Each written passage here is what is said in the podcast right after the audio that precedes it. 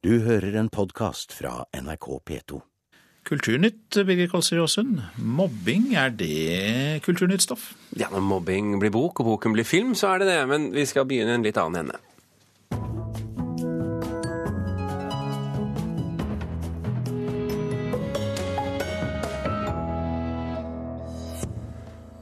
Stadig færre vil bli journalister. Søkertallene har ikke vært lavere på åtte år, og medievitere frykter nå at vaktbikkja blir tynn og tannløs. De tradisjonelle familiealbumene byttes ut med sosiale medier, og det kan skape kollektive minnehull. Og i dag blir mobbeofferet Modulf filmhelt, når den nye filmen De tøffeste gutta åpner barnefilmfestivalen i Kristiansand. Og Kulturnytt får du altså med Birger Kolsrud Jåsund i studio. Færre unge satser nå på en karriere som journalister. Medier over hele verden sliter for tiden med inntjening, og unntakslandet Norge er intet unntak. Nedskjæringene i bransjen har skylden for lave søkertall, mener medieforsker, og mange eh, av medieelevene på videregående har mistet lysten på å bli journalist. Det er fire replikker i løpet av filmen basert på et av Munchs malerier. Et bilde som heter 'To mennesker, de ensomme'. Filmen viser en mann og en lettkledd kvinne på en holme. Eksamensforberedelsene er i gang for elevene som går siste året på medie og kommunikasjon ved Elvebakken videregående. De har søkt på skoler for høyere utdanning, men ikke alle ønsker å fortsette å studere mediefag. Jeg skal ta opp fag for å utdanne meg til ingeniør senere. Det sier Finn Julius Stefansen Smith, som har studert medier og kommunikasjon i tre år. Ustabile jobber, eh, ikke stabil inntekt. Det er rett og slett jobber de ikke kan stole på. Det gjør at man heller velger noe annet. Ifølge ferske tall fra Samordna opptak er det mange som tenker som Finn Julius. Søknaden til mediefag ved høyskoler og universitet har gått ned med 6,5% Nesten 300 færre har søkt sammenlignet med 2012. Jens Bardal, medieforsker ved Høgskolen i Gjøvik, mener kuttene i de store nyhetshusene har skylda. Det har vært mye oppmerksomhet rundt hvordan en del av mediebransjen sliter økonomisk. Og at det kan påvirke uh, unge mennesker til kanskje ikke å tørre å satse på media som sin framtidige arbeidsplass. Over 1000 årsverk er kutta i Skipsted og rundt 500 i A-media. Ifølge tall fra Samordna opptak er antallet som har søkt journalistutdanning det laveste på åtte år. Medieforskeren liker ikke utviklinga. Norge har mer bruk for journalister enn noensinne. Samfunnet vokser, det er flere og flere ting som bør passes på. Alt i dette samfunnet har større behov for noen som gjør et kritisk blikk, bringer informasjon til tog som vi kan diskutere i det offentlige. Eh, men dessverre, eh, sånn som økonomien er, så blir det færre og færre journalister. Noe som gjør at det blir mer og mer i samfunnet som ikke blir passet på av journalister. Det er trist, og det er veldig negativt. Thomas Benst, leder i Norsk Journalistlag, blir bekymra når han ser søkertallene. På lang sikt er det fare hvis ikke bransjen er attraktiv, slik at de beste unge søker seg til bransjen og har lyst til å bruke sine krefter og talenter der. Det betyr, hvis det blir slik, at du får eh, svake redaksjoner, eh, svekket mulighet til å gjøre vårt samfunnsoppdrag, og informere, kritisere og avdekke det som måtte være av ubehageligheter i samfunnet rundt oss. Siste finpuss på eksamensfilmen er i gang. Heller ikke Tera Dahl Pra Iversen ønsker å fortsette innen mediebransjen etter tre år med medier og kommunikasjon. Jeg fant ut at det ikke var noe for meg, at jeg egentlig ikke var så interessert i å være noe i media. Jeg har i hørt at det er tøft å komme gjennom i mediefag, at det er vanskelig å bli noe, i hvert fall helt til topps. da. Ja, Det sa Tera Dahl Pra Iversen, elev ved Elvebakken videregående skole her i Oslo, og reporter det var Kaja Kristin Næss.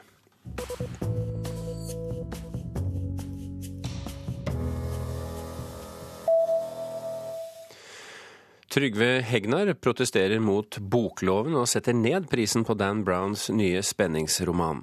Bokens fastpris er satt til 398 kroner, mens Hegnar Medias bokhandel vil selge den for 245.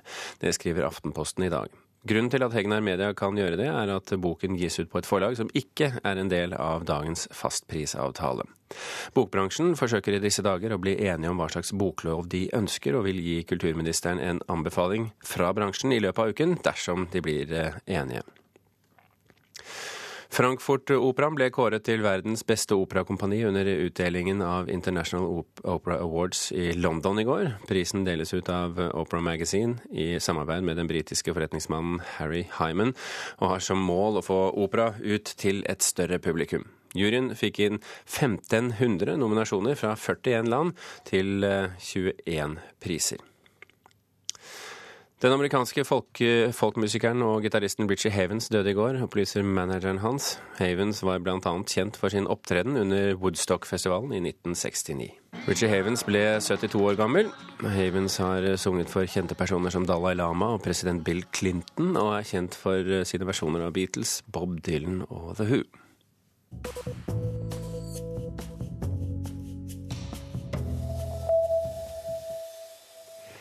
Ja, som du kunne høre litt tidligere i Nyhetsmorgen, så anbefaler altså Datatilsynet alle Facebook-brukere å gå igjennom profilen sin og sikre informasjonen som ligger der.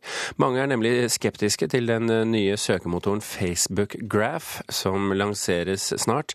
Foreløpig er tjenesten kun tilgjengelig som en testversjon, og en av dem som har testet den gjennom en måneds tid, det er Bjørn Erik Thon, direktør i Datatilsynet.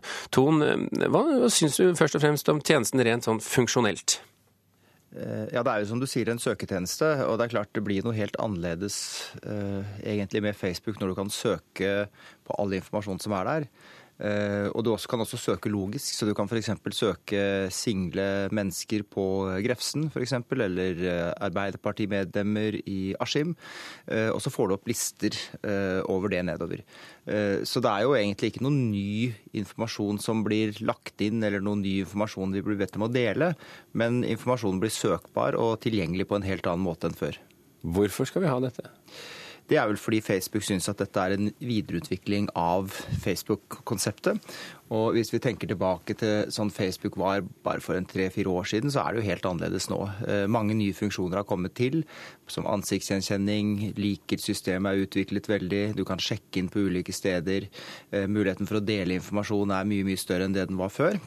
Eh, så dette er bare nok et skritt på produktutviklinga, for å bruke et så kjedelig ord, til Facebook. Men hvorfor gjør Facebook dette?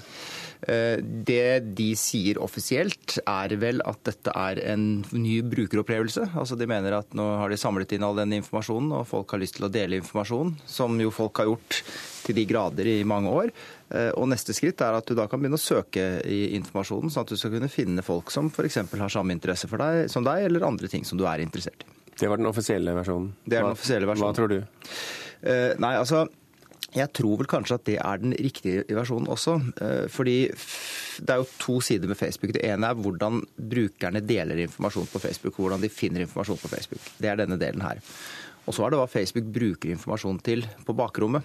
Eh, hva de bruker for å rette reklamen f.eks. Eh, hvordan de bruker å, å, tjene penger på den informasjonen som vi har valgt å, å dele med Facebook. Eh, og Det kan nok hende at det blir lettere å få enda mer detaljerte profiler på folk, fordi du kan nå se også hva folk søker på, og ikke bare på hva de faktisk har trykket like på. Så du, du, du får mer kunnskap om brukerne. Men Ton, er dette noe som bekymrer Datatilsynet? Det, det, kommer jo an på hvordan folk svarer på dette. For uh, folk må jo nå benytte anledningen sin til å rydde opp i profilen sin. Uh, for en tid siden så ble jo denne tidslinjen lansert, hvor også informasjonen ble strukturert helt annerledes. Uh, og Så vidt jeg har kunnet observere, så har vel ikke det ført til de helt sånn store katastrofene for folk. informasjonen er der, men den er annerledes enn før. Eh, og når nå Facebook etter hvert også i Norge kommer til å lansere denne grafsøken, så må jo folk eh, nok en gang benytte anledningen til å gå gjennom profilen sin. Og så er det jo viktig da, å være klar over at eh, hvis jeg søker på ja, venstremedlemmer i Askim, for å bruke det eksempelet, så vil jo jeg bare få opp de som har åpen profil. Altså de som har valgt å lukke profilen sin, som eh, jeg og veldig veldig mange andre har gjort, så vil de jo ikke få opp eh, disse søkene eh, og disse treffene, mener jeg. Sånn at det er jo mulighet her for å også gjøre seg mindre tilgjengelig. Takk for at du kunne komme til oss på morgenkvisten, Bjørn Erik Thon, direktør i Datatilsynet. Klokken er snart kvart over åtte. Du hører på Kulturnytt, og dette er toppsaken i NRK Nyheter akkurat nå. For tidligfødte på Rikshospitalet blir ikke tatt eh, godt nok vare på, mener fylkeslegen. Og nordmenn bekymrer seg for nabobikkja. Mattilsynet fikk i fjor 7000 bekymringsmeldinger fra folk som tror kjæledyr lider. Du skal snart få et friskt pust fra den norske folkemusikkhimmelen, men uh, før det de tradisjonelle familiealbumene er i endring, og sosiale medier overtar. De polerte familiebildene fra høytiden byttes nå ut med hverdagsøyeblikk som postes på Facebook eller Instagram eller eh, Flikker. Dette skal vi eh, komme tilbake til fordi vi har litt problemer med den saken. Men det er ikke noe problem, for vi har noen tøffe gutter som sitter i vårt studio nede i Kristiansand. Og grunnen til at de sitter der, er at om litt, om tre kvarter, åpner den 16. barnefilmfestivalen i Kristiansand. Åpningsfilmen i år handler om Modulf, en gutt som tar støyten når mobberne vil lage bråk. Han blir dyppet i do og må bade i søledammer. Men det er helt greit for Modulf. Han takler det slik at de andre slipper unna. Filmen heter De tøffeste gutta. Kristian Lo, regissør, det ryktes at du la siste hånd på verket i går ettermiddag? Ja, det, det, er nok bare et rykte, men den er ganske fersk. Hva slags film blir dette? Nei, det blir en uh, actionfylt komedie. Uh, så uh, jeg gleder meg veldig til å få vist den til det store publikum for første gang i dag. Hvilke forventninger har du? Nei, jo, det er jo Når en lager en film, så er det jo veldig mye arbeid. Og en legger jo veldig ja, en legger jo sjela si i å, å, få dette så bra som mulig. Så jeg håper jo at det funker så bra som jeg tror, da. Og det blir jo spennende å se i dag. Dette er jo en film som er basert på en bok av Arne Svingen. Hvorfor ville du lage film nettopp av den boken? Nei, Det er noen år siden. Da lette jeg på Lillehammer bibliotek. Og jeg leste da De tøffeste gutta. Og det var ei bok som gikk rett i hjertet mitt. Det, jeg syns det var en veldig original historie. Jeg ble veldig, veldig fascinert av karakteren Modulf, som, eh, som på en måte ja, ja eh, ofre seg sjøl for eh, de andres vel. Som nesten truende er en slags superhelt. Ved å bli mobbet? Ja. Og jeg syns på en måte det at han på en måte hadde tatt sin litt miserable livssituasjon, da, og så, og så snudd det til noe positivt. Eh, der eh, når, eh, når de mobber hen, da, når de tøffeste gutta mobber hen, så, så slipper jo tross alt de andre.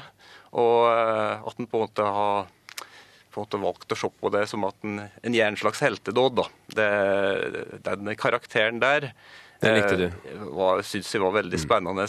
Og det er jo så klart ikke greit. For for ligger, mobbing, litt, mobbing, er jo aldri greit. Det ligger vel litt moral her, tenker ja. jeg. Arne Svingen, du er altså mannen bak denne boken. Jeg trodde det var slik at du ikke ville skrive om mobbing? Jo, jeg ville skrive om mobbing, og en av grunnene var jo nettopp pga. alle disse mobbebøkene jeg leste da jeg var yngre. For jeg følte de var veldig svart-hvitt. Det var De som mobba, var onde og slemme, og de som ble mobba, var det veldig synd på. Men jeg tenkte at det lå noe mer der. Det var noen flere grunner, det var noe mer til disse personene. Og derfor så ville jeg jo egentlig gjerne skrive en mobbebok sånn som jeg følte at det var ja, mer i virkeligheten, da. Har du, du, har ikke sett denne filmen ennå? Det har jeg ikke gjort, så jeg skal se den nå om en times tid. Ja, Du skal få et uh, lite lydklipp av den her. Uh, heng på. Hei, jeg heter Modulf. Det er norrønt og betyr ulv og vrede. Men jeg er ikke så farlig som det høres ut. Jeg redder alle. Dummulf, var det deg? En uh, superhelt.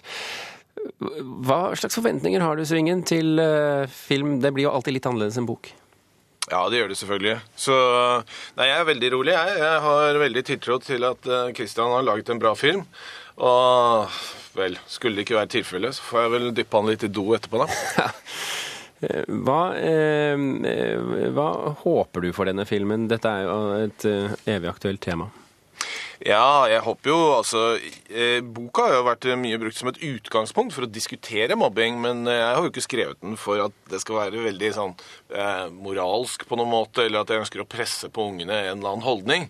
Så jeg håper jo kanskje at eh, filmen kan være litt et samme utgangspunkt, at det kan settes et fokus på det, men at det ikke skal være en pekefinger som eh, på en måte rir gjennom hele filmen. Eh, Christian eh, Lo, har du noen forhåpninger om at denne filmen skal ha en, en sånn praktisk funksjon i tillegg til å være underholdning? Ja, tenker jeg noe som at jeg tror det, alltid så er det jo viktig at det er en underholdende, spenstig, eh, humoristisk, actionfylt film som virkelig kan, kan engasjere. da. Men jeg mener jo at de beste historiene er de som får en til å føle noe, og som eh, kanskje utvider horisonten mot en og får en til å tenke over ting i livet. Og eh, ja. Nå er, nå er det slik, eh, Lo, at eh, dere skal se denne filmen eh, om en time. Når får vi andre se den? Det er først i høsten. Eh, 18. oktober eh, skal man ha kinopremiere over hele landet. Så det blir litt å vente fortsatt, da. Så det, Da kan du gjøre endringer dersom du blir puttet i do. Da må jeg nok det, vet Ja. du. Christian Lo og Arne Svingen, tusen hjertelig takk for at dere kunne være med oss i vårt, fra vårt studio i eh, Kristiansand. Du hører en podkast fra NRK P2. Så tilbake til de tradisjonelle familiealbumene som er i endring, og sosiale medier som overtar. For de polerte familiebildene fra høytiden byttes ut med hverdagsøyeblikk som postes på Facebook, Instagram og Flikker. Dette kan føre til eh, kollektive minnehull for den oppvoksende generasjon, mener medieviter Linn Preutz. Har du familiealbum hjemme? Nei. Jeg har de mest på Mac-en min. Av meg selv som eh, liten. Ellers eh, ligger eh, alt på minneboks og på PC-en. Vinduet inn i slektshistoria og vår egen barndom er i endring. Færre lager familiealbum, og sosiale medier får skylda. Inn på kontoret til medieviter Linn Prøyt står et rosa fotoalbum i bokhylla. Så dette albumet er sånn mitt første album, og da er det ofte sånn hvor mye jeg veier og, og hvor høy jeg er og sånn. Men veldig mye av det som er spennende å se, er jo ofte at det benevnes hvem som er min familie om og om igjen. Her er fadderne mine, her er de som var på julaften. Preutz har forska på familiebildepraksis via familiealbum til MMS. Det som skjer med tanke på familiealbum, eh, er at det løses opp i mye større grad enn det har vært før. De digitale leketøyene vi har med oss, har ofte kamera, og endrer derfor våre albumtradisjoner. Nå lagrer vi album på sosiale medier. Hver og en har bildene sine på sine personlige medier, sånn som mobiltelefon, eller de har bildedelingstjenester sånn som Flikker, eller de har fotoalbum på Facebook f.eks. Også markedsansvarlig i Japan Foto og Eurofoto, Inger Lise Vereide, bekrefter at færre lager tradisjonelle familiealbum. Vi merker det på at eh, de småbildene, det som vi kaller standardprint, som du satte inn i album, den typen eh, fremkalling den har gått betraktelig ned de siste åra. Jeg syns det er kjempetrist, for det er mye mye koseligere å bla i album. Så man ser veldig sjelden på de bildene man har på PC. Også medieviteren syns det er synd at vi ikke lager tradisjonelle album lenger. For albumet er en viktig plass hvor vi kan vise hvor vi hører til, og hvordan vi lever. Så det ser også at det er veldig sånn normativt, da. Farmor og Jesus og Og utviklinga bekymrer Preutz. Hun mener barn går glipp av viktige historier om sin egen oppvekst. Den oppvoksende generasjoner får kollektive minnehull. Det er eh, deler av oppveksten som på en måte ikke finnes representert i et album. Eh, Det er ikke sånn at det ikke fins mange bilder av de periodene. Men det er noe med at hver og en nå i større grad får ansvaret for å skape sin egen historie. Når man sitter sammen med voksne og blar i album, blir det fortalt historier ut fra enkeltbilder. Og det er med på å skape en kronologisk fortelling om vår barndom, i tillegg til at det skaper en følelse av tilhørighet, sier Preutz. Og det er det her man mister når sosiale medier tar over. Hvem vi er, er summen av våre minner, i stor grad. Når minnene blir fragmentert og de kollektive fortellingene rundt eh, bildet gjennom eh, de årene som man fra barn til voksen forsvinner, så skjer det en type fra fragmentering av hvordan jeg skal forstå hvem jeg er. Reporter var Kaja Kristines. Kulturnytt fikk du av Beate Haugtrå, Vidar Sem og Birger Kolsrud Jåsund.